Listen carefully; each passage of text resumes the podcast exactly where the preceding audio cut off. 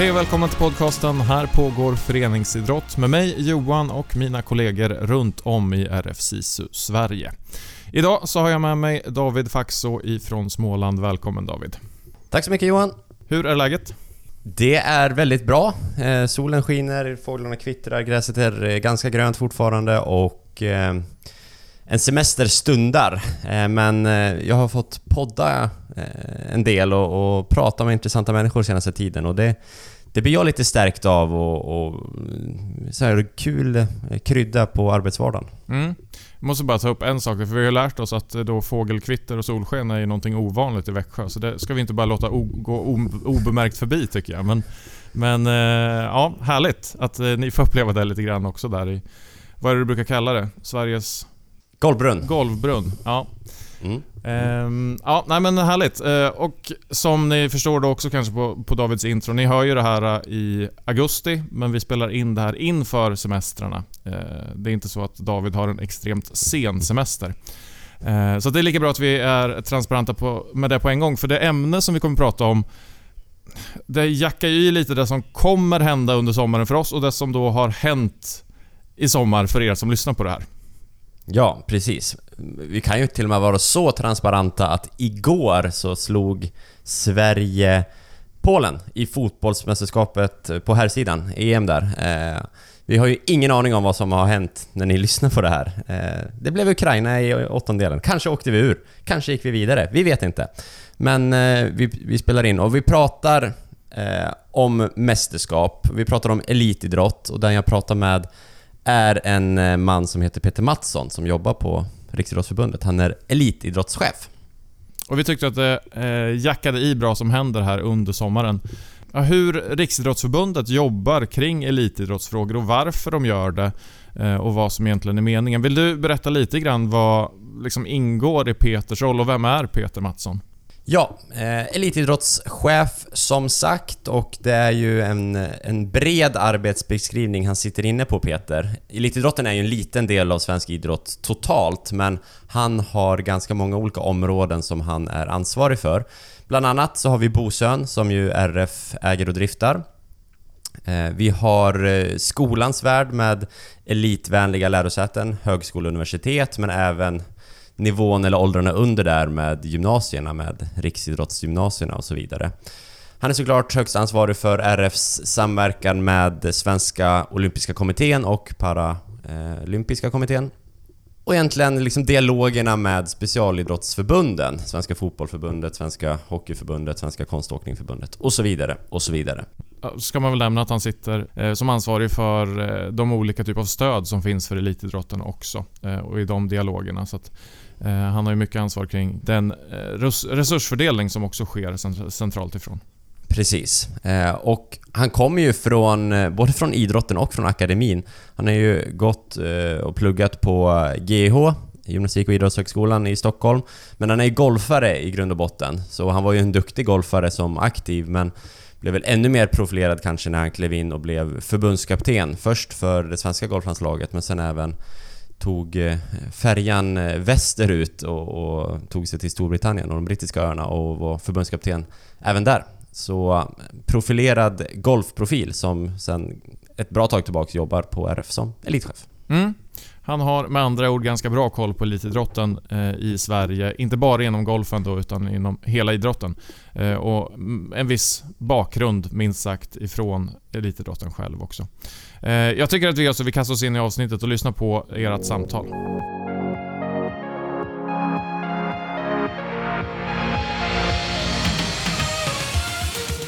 Varmt, varmt välkommen Peter Mattsson till Här pågår föreningsidrott. Tack så mycket för det. Du, eh, podcastformatet, det är inte helt ovant för dig. Berätta. Nej, jag har väl dels eh, suttit på den här sidan om bordet några gånger och varit med i poddar och sen så har jag ju faktiskt spelat in några avsnitt där jag har varit i din roll också. Mm. Och den om man, det var några år sedan, men den finns ju kvar på, allting finns ju kvar på internet. Precis, man, man eh, får skämmas under lång tid framöver. Okej, visst, vi stannar där. Du, lite mera så här, kring dig, så innan du eh, eh, fick din roll på, på Riksidrottsförbundet så, så vet ju jag att, att, du had, eller att du har en otroligt gedigen bakgrund inom golfens värld. Det är den sporten som väl ligger närmast ditt hjärta. Eh, du har gjort allt möjligt i golfen, berätta där. Ja, eh, jag har ju spelat själv, eh, om än inte på sådär särskilt skrytsam nivå, men jag försökte mig på att spela professionellt under en period. Och eh, parallellt med det så utbildade jag mig på eh, GH, Gymnastik och idrottshögskolan i Stockholm, där jag hade turen att få ha golf som specialidrott. Och Eh, det ledde efter ett par år när jag jobbade i Spanien som idrottslärare och golftränare så ledde det till att jag eh, fick chansen att börja jobba med landslagen inom Svenska Golfförbundet. Och eh, det gjorde jag i ja, närmare tio års tid kan man säga, varav eh, sju, åtta år som huvudansvarig för alla landslag. Och eh, sen så efter det så fick jag möjligheten att jobba internationellt och jag flyttade till England och jobbade för det engelska golfförbundet. Så där var jag i sex år som förbundskapten för, för deras landslag mellan 2005 och 2011. Och sen kom jag tillbaka till Riksidrottsförbundet och elitidrotten i Sverige då har du ju stött på eh, många av världens absolut bästa, bästa idrottare, eh, i alla fall bästa golfare. Ja, det har jag haft turen att göra och eh, det, det, är ju spännande att se alltså många av de engelska spelare som idag gör bra ifrån sig på tourerna, de, de var ju i amatör och till och med juniorlandslag under den tiden som jag jobbade där. Så att, eh, det är ju fantastiskt roligt att se att det har gått bra för dem.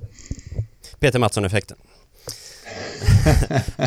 du, eh, golf snart på, på en TV nära oss tänkte jag säga, men vi är ju mitt uppe i en svensk varm sommar. I inspelande stund så har Sverige rätt så nyligen slagit Slovakien i, i fotbolls-EM på herrsidan och OS väntar ju, där ju golf eh, bland annat är med. Eh, hur uppe i, i en sån här mästerskapssommar, sportsommar är du? Liksom sitter du in och, och häckar framför TVn en hel sån här sommar eller? Nej, det måste jag nog erkänna att jag inte riktigt eh, gör. Jag är inte sådär supertokig tv-tittare. Det finns nog gott om, om sportentusiaster i, i vårt avlånga land som, som ser mycket mera eh, av fotbolls-EM eller, eller till och med US Open i golf som gick igår för eh, herrarna.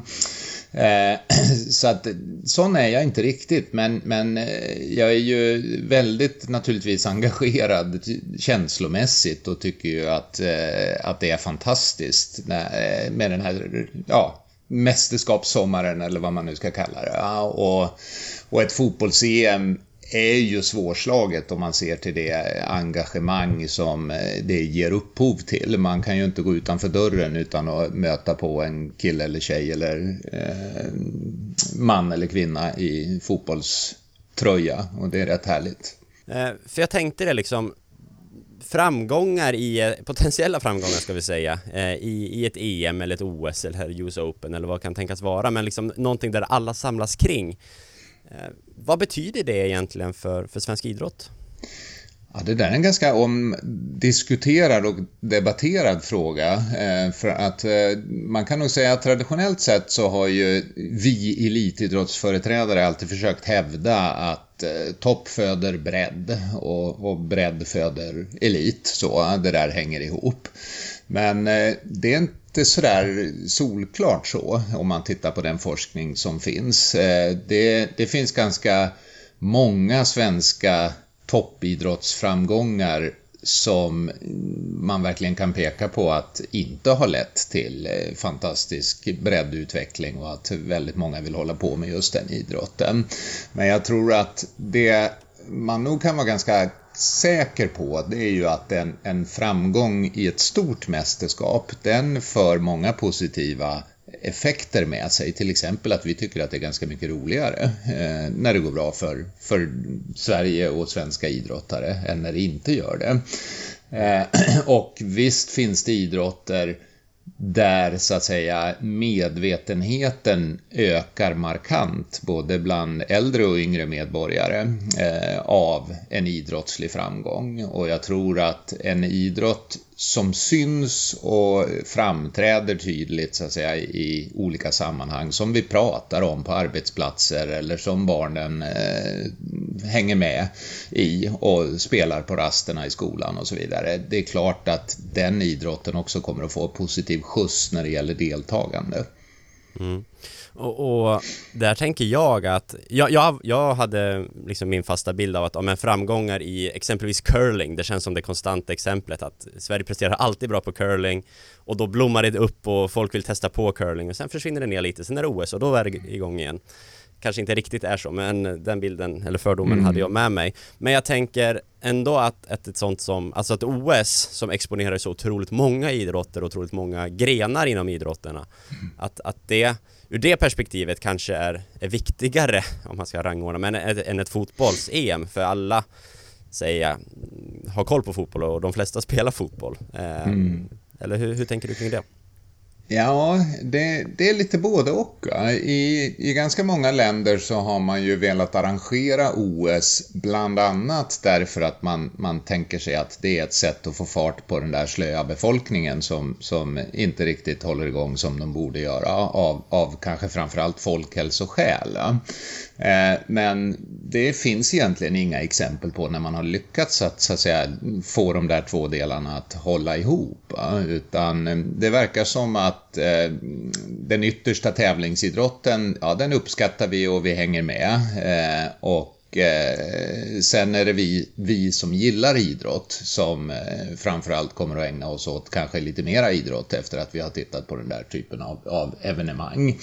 Men att komma åt de där som vanligtvis inte idrottar alls, alltså de som är soffliggare eller innesittare, det kräver ganska mycket mera än ett stort evenemang.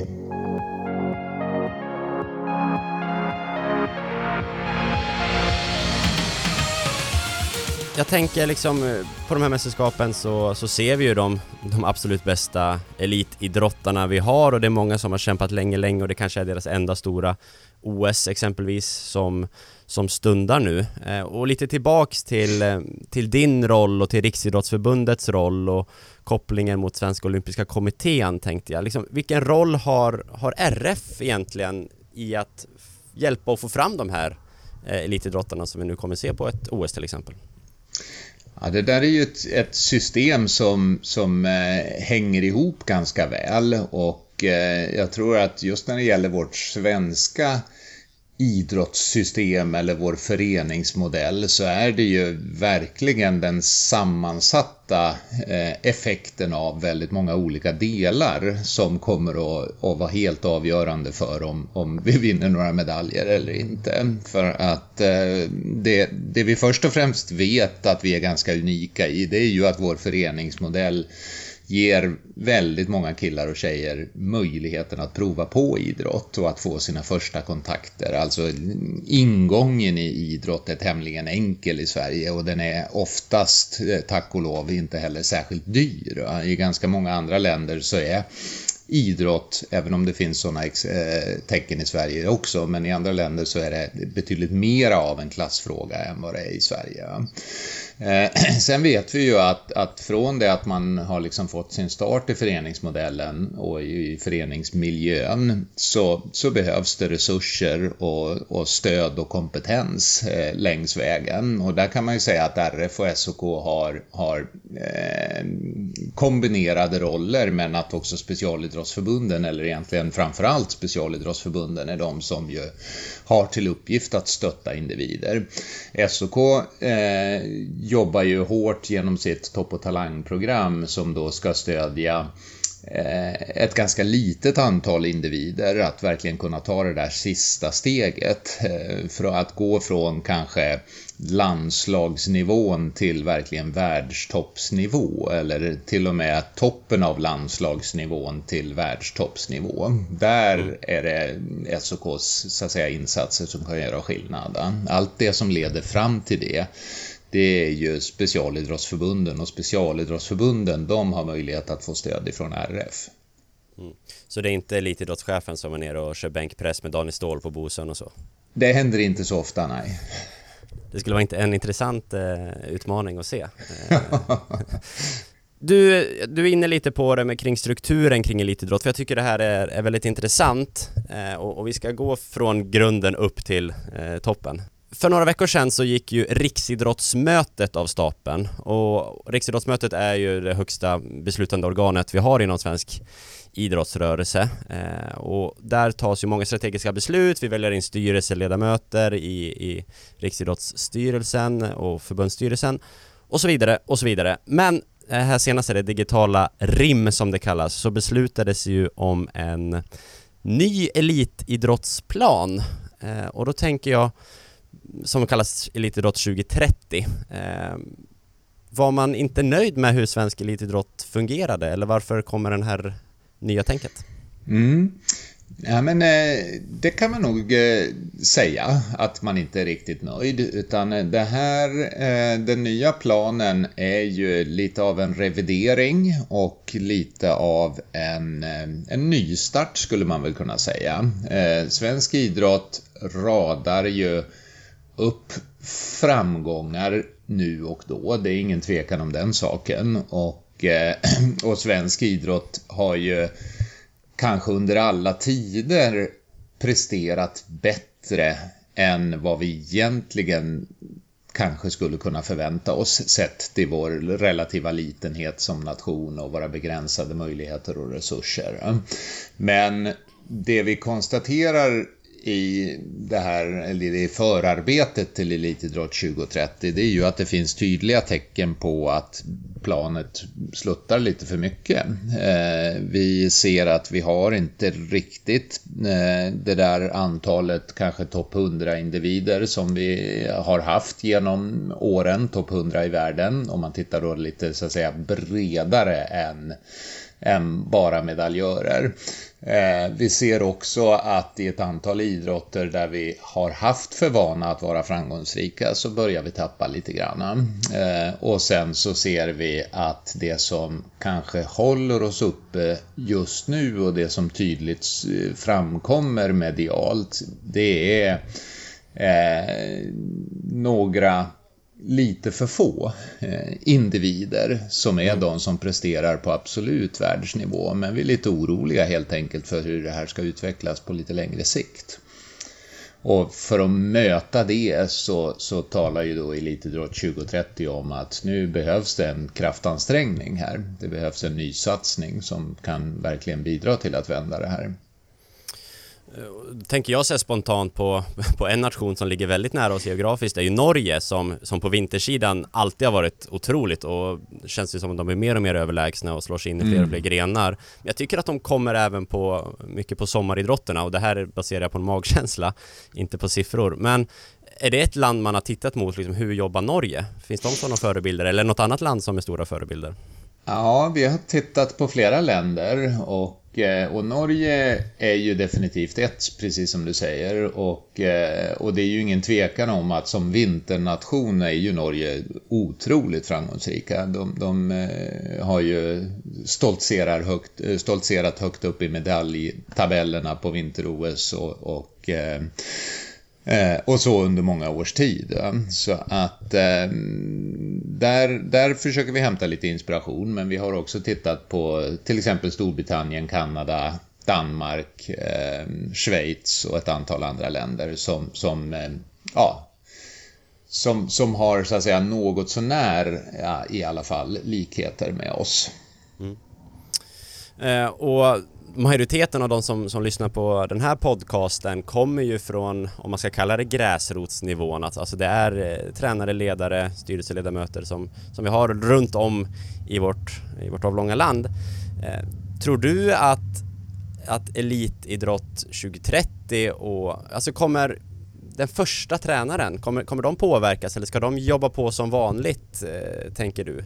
Jag, jag tror att eh, för att för att svensk idrott ska, ska så att säga, kunna fortsätta att utnyttja sina konkurrensfördelar, då är det ingen tvekan tror jag om att vi behöver titta på att stärka hela processen ifrån det att liten kille eller tjej testar sina liksom, första eh, timmar på, på idrottsarenan och den tränare man möter, möter där. Och, eh, och det är klart att vi vet att en av utmaningarna idag är ju, är ju dels liksom tränares engagemang och tränares tid. Eh, vi tränare som väldigt ofta är föräldrar med eh, tämligen upptagna jobb på annat håll. Och, och sen naturligtvis också tränares kunskap och kompetens. Eh, och jag tror ju att det finns väldigt mycket som vi kan fortsätta att göra för att eh, förenkla situationen helt enkelt för tränaren där. Vi, vi, det kommer fortfarande att behövas tränare som står på, på fältet och så att säga är beredda att lägga ner den där träning, eh, tränarenergin.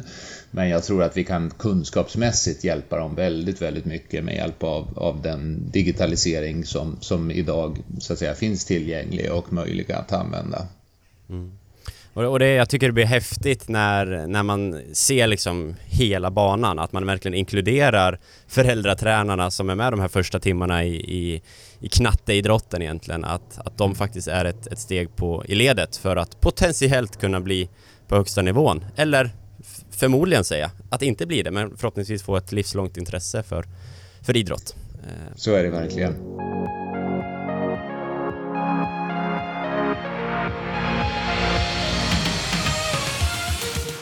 Vi ska närma oss en, en avrundning, men innan vi gör det så ska vi ta en lyssnarfråga, för vi skickade ut på vårt Instagramkonto att, att du skulle gästa och vi fick en fråga från Jakob Wikenstål.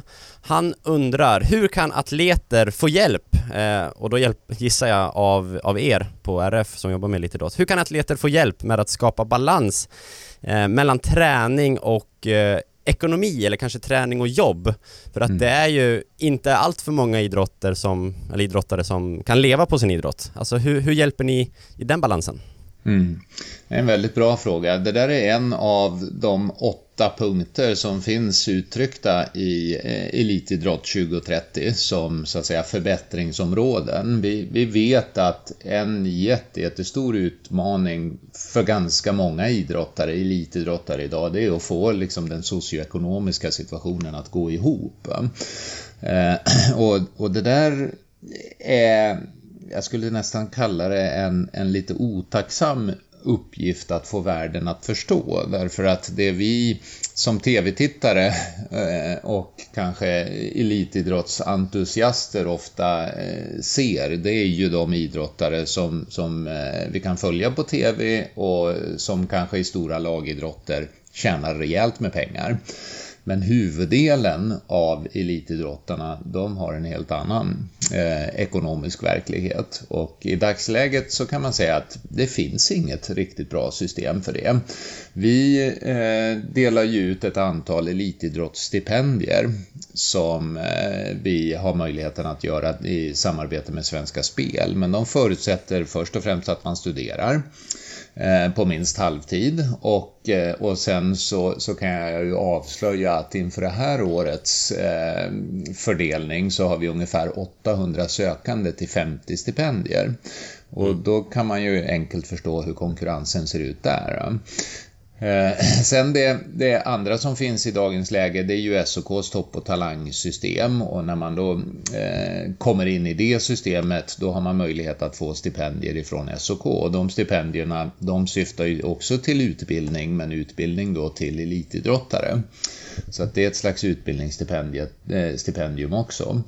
Eh, men utöver det så är det ju liksom idrottens egna kommersiella möjligheter som avgör om man har någon, någon chans att, så att säga, tjäna pengar på sin idrott. Och, och befinner man sig inte i en sån idrott, då är man idag egentligen förpassad till att själv se om sitt hus och hitta ett jobb som gör att man kan kombinera, eller studera på ett sätt som mm. gör att man kan kombinera det med, med elitidrotten. Eh, men, men det är ingen tvekan om att det där är inte tillräckligt bra. Eh, eller tillräckligt bra. Man kan, ju, man kan ju vända på det och så kan man säga att ja, men om inte idrotten är mera kommersiell än så, då är det det man får så att säga förhålla sig till. Ja. Mm. Eh, men risken är ju väldigt stor att vi tappar många talanger som, som hade kunnat bli väldigt duktiga i sin idrott genom att man inte, helt enkelt inte har ekonomi för att kunna fortsätta hålla på. Precis, precis. Ja, det är en jäkla balansgång det där och eh, man kan ju hoppas, alltså jag tycker och i och med den här pandemin också, i med digitalisering och vi har sett nya sätt att tävla även på högsta elitnivå så tycker jag att, att även de här mindre icke superkommersiella idrotterna börjar hitta lite vägar. Så jag, jag hoppas att, att pandemin här har lärt de idrotterna någonting för att kunna Eh, kommersialisera sin idrott och sina atleter än mer eh, via nätet och via sociala medier och sånt som vi ser. Men samtidigt så, det är en balansgång där. Vi har hört tidigare eh, atleter som fastnar för mycket i sociala medier, tvingas göra saker i sociala, medier som de egentligen inte vill, men de är illa tvungna för att få ekonomin att gå ihop. Så ja, det är en balansgång. Peter, eh, jag vill säga jättetack för att du var med. Eh, men innan jag släpper iväg dig så tänkte jag avsluta med en fråga som du inte är förberedd på. Men den här podden går ju ut, som jag sa, framför allt till, till tränare, ledare eh, runt om i Sverige. Eh, är det någon som du vill tipsa om att vi ska intervjua som skulle kunna vara intressant för alla de här tränarna som lyssnar på oss? Har du något namn som du kan skicka med oss? Eh, den jag spontant faktiskt tänker på, det är nog faktiskt min, min närmsta kollega eh, som heter Liselott Olsson. Och då tänker jag att du inte skulle intervjua henne egentligen utifrån eh, den, den arbetsroll som hon har, utan utifrån att hennes dotter precis har blivit uttagen i eh, det svenska OS-landslaget i handboll.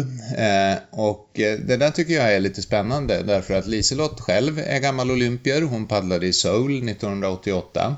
Hon jobbar med elitidrott och, eh, och nu är alltså hennes dotter också uttagen olympier. Och Eh, Isabelle, som dottern då heter, eh, har en, en eh, jätte, jätteintressant bakgrund och historia från liksom liten föreningsidrott i Nynäshamn där hon är uppväxt. Och det där tror jag skulle kunna bli en spännande diskussion.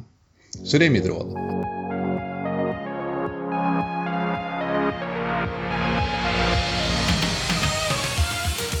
Då är vi tillbaka i studion och vi tackar Peter Mattsson för hans medverkande i den här podcasten. David, vad tar du med dig ifrån ert samtal? Att min hypotes som jag ändå gick in i avsnittet med lite sprack.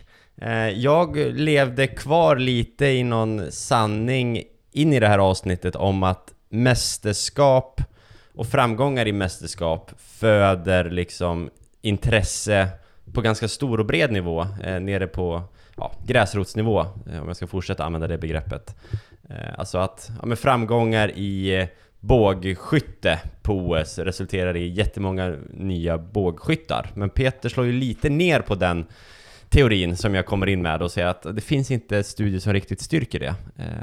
Så det var en intressant, och jag har tänkt en del på det. Ja, jag förstår det. Jag, jag har ju haft exakt samma bild också. Jag vet inte ifall det kommer från 1995 när jag fick för mig med alla andra att börja med friidrott. För det har varit VM i friidrott i Göteborg samtidigt jag kommer ner till en friidrottsarena i Falun och det är typ 80 barn eh, och tre ledare, för de var inte alls förberedda på det. Och då har jag liksom levt kvar i den bilden. Ja, men det är klart att det innebär det. Det var inte ens framgångar. Sverige lyckades ju inte ens i närheten av att ta en medalj i det mästerskapet. Um, så jag har haft precis samma bild och det är intressant att Peter säger på det här sättet. Och jag vet inte ifall det hör ihop då kanske med att barn och unga kanske inte exponeras av den idrotten lika starkt som man gjorde på den tiden. Eller jag vet, det, det är min bild i alla fall att man det finns så mycket flera andra brus runt omkring som gör att man kanske inte följer OS på samma sätt som man gjorde tidigare. Är du idrottsintresserad idag så kanske du är intresserad av din specifika idrott. Men jag gillar ridsport och då tittar jag på allt som har med ridsport att göra. Eller jag tittar på fotboll och då då tittar jag mm. bara på fotboll. Jag tror det ligger någonting i det. Eh, liksom konkurrensen från, från allting. Liksom, och det behöver inte bara vara idrott. Vi har liksom de sociala medier, eh, underhållning via YouTube, liksom sådana grejer kan ju ta uppmärksamhet om man jämför med förr när det bara fanns ettan och tvåan och all idrott gick där. Om vi mm. generaliserar lite så. Så nej, det kan nog ligga en hel del i det. Men de, Peter säger ju det att de som är intresserade tränar mer, utövar mer. Kanske liksom de som är riktiga idrottstokar, att, att de kommer hitta till de här mindre idrotterna och det kanske räcker ganska långt ändå för, för lite mindre idrotter. Men ja, vi får väl se vilka effekter eh, sommarens mästerskap har på, på bredden och på gräsrotsnivån. Ja, min känsla när Peter säger det på det sättet, att det nästan blir som att mästerskapen på något sätt polariserar i Sverige. Att de som gillar idrott, de bara går in för det för fullt ut. De tittar på allt i stort sett och så finns det de som Ja okej, okay. va? Är det idrott på TV nu igen? Eh, så. Jag lever ju lite grann i ett sånt förhållande där jag är extremt intresserad av all typ av idrott och min eh, fästmö inte alls har samma intresse utan henne får jag liksom jobba på för att få tycka att vissa fotbollsmatcher eh, är intressanta sådär. För att vi ska mm. kunna titta tillsammans ibland. Så att jag, jag, förstår ju lite grann vad det kan innebära. Jag tycker man märker det på vissa också som tycker att de där gula tröjorna på stan inte är lika roliga som kanske du och jag gör. Nej, så är det. Och jag kan skriva under lite på, på din på ditt eh, samboförhållande där, att streamingtjänster med filmer och tv-serier har varit ganska kalla de senaste veckorna här och kommer så förbli under sommaren. Eh, en annan grej jag tänker på kring, eh, kring avsnittet är ju Alltså Elitidrott 2030, eh, framtidsplan, eh, eller den strategiska planen som antogs nu på Riksidrottsmötet.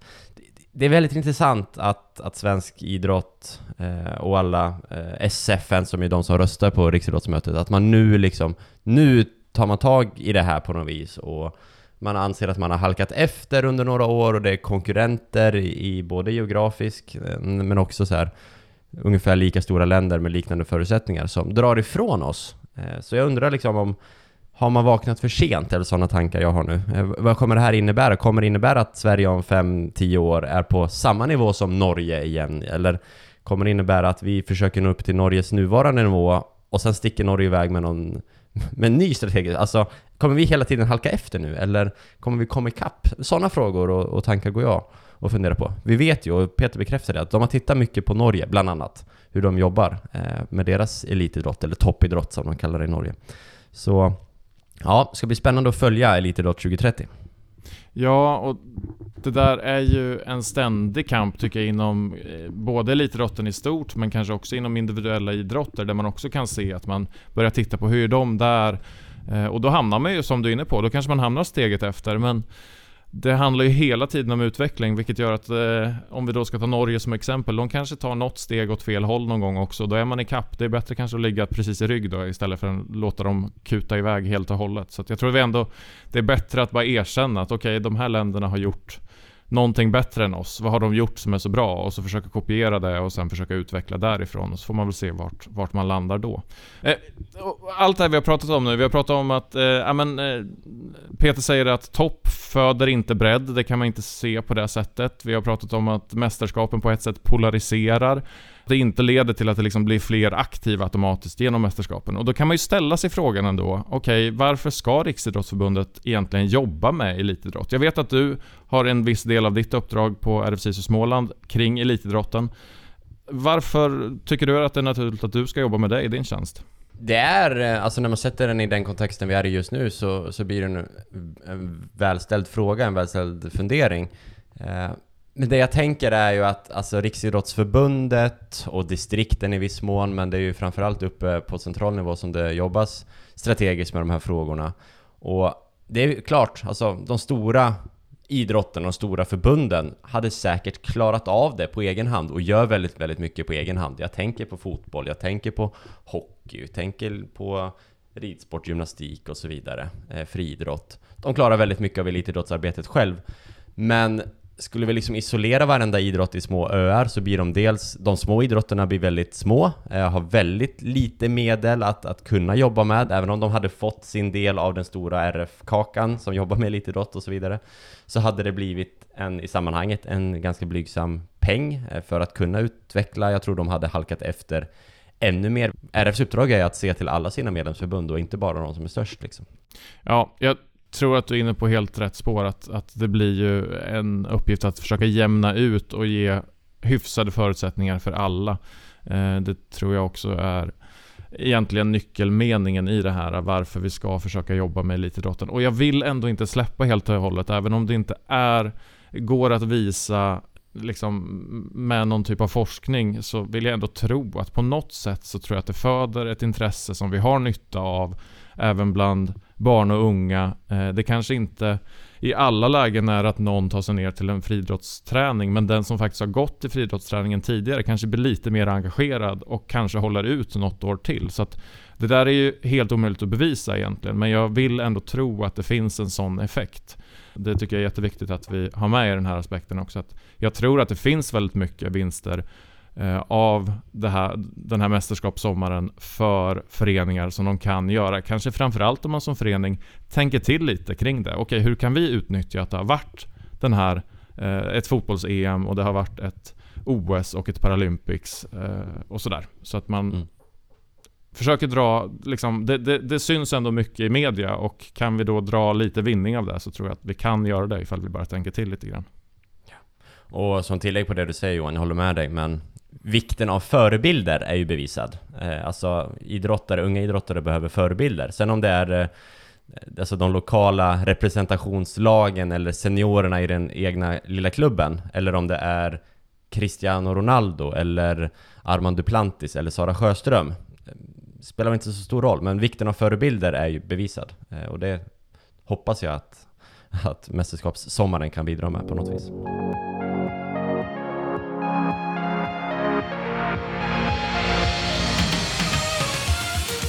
Du har lyssnat på ett avsnitt av podcasten Här pågår föreningsidrott som görs av RF SISU. Vi är nu tillbaka igen efter sommaruppehållet och hoppas att du hänger med oss genom sensommaren, hösten, hela vägen fram till jul. Vi kommer släppa avsnitt varannan vecka. Vill du komma i kontakt med oss som gör podden så gör du det enklast via vårt Instagramkonto. Här pågår föreningsidrott ihopbundet i ett ord. Eller så kan du mejla oss till podd rfsisu.se. Eh, och som du hörde Peter göra i avsnittet, vi vill jättegärna få tips om framtida gäster eller ämnen som ni vill att vi ska ta upp i podden, så tveka inte att höra av er med det till oss. Antingen via Instagram eller i våran mejlkorg. Vi är tillbaka igen med ett nytt avsnitt om två veckor. Hoppas vi hörs då.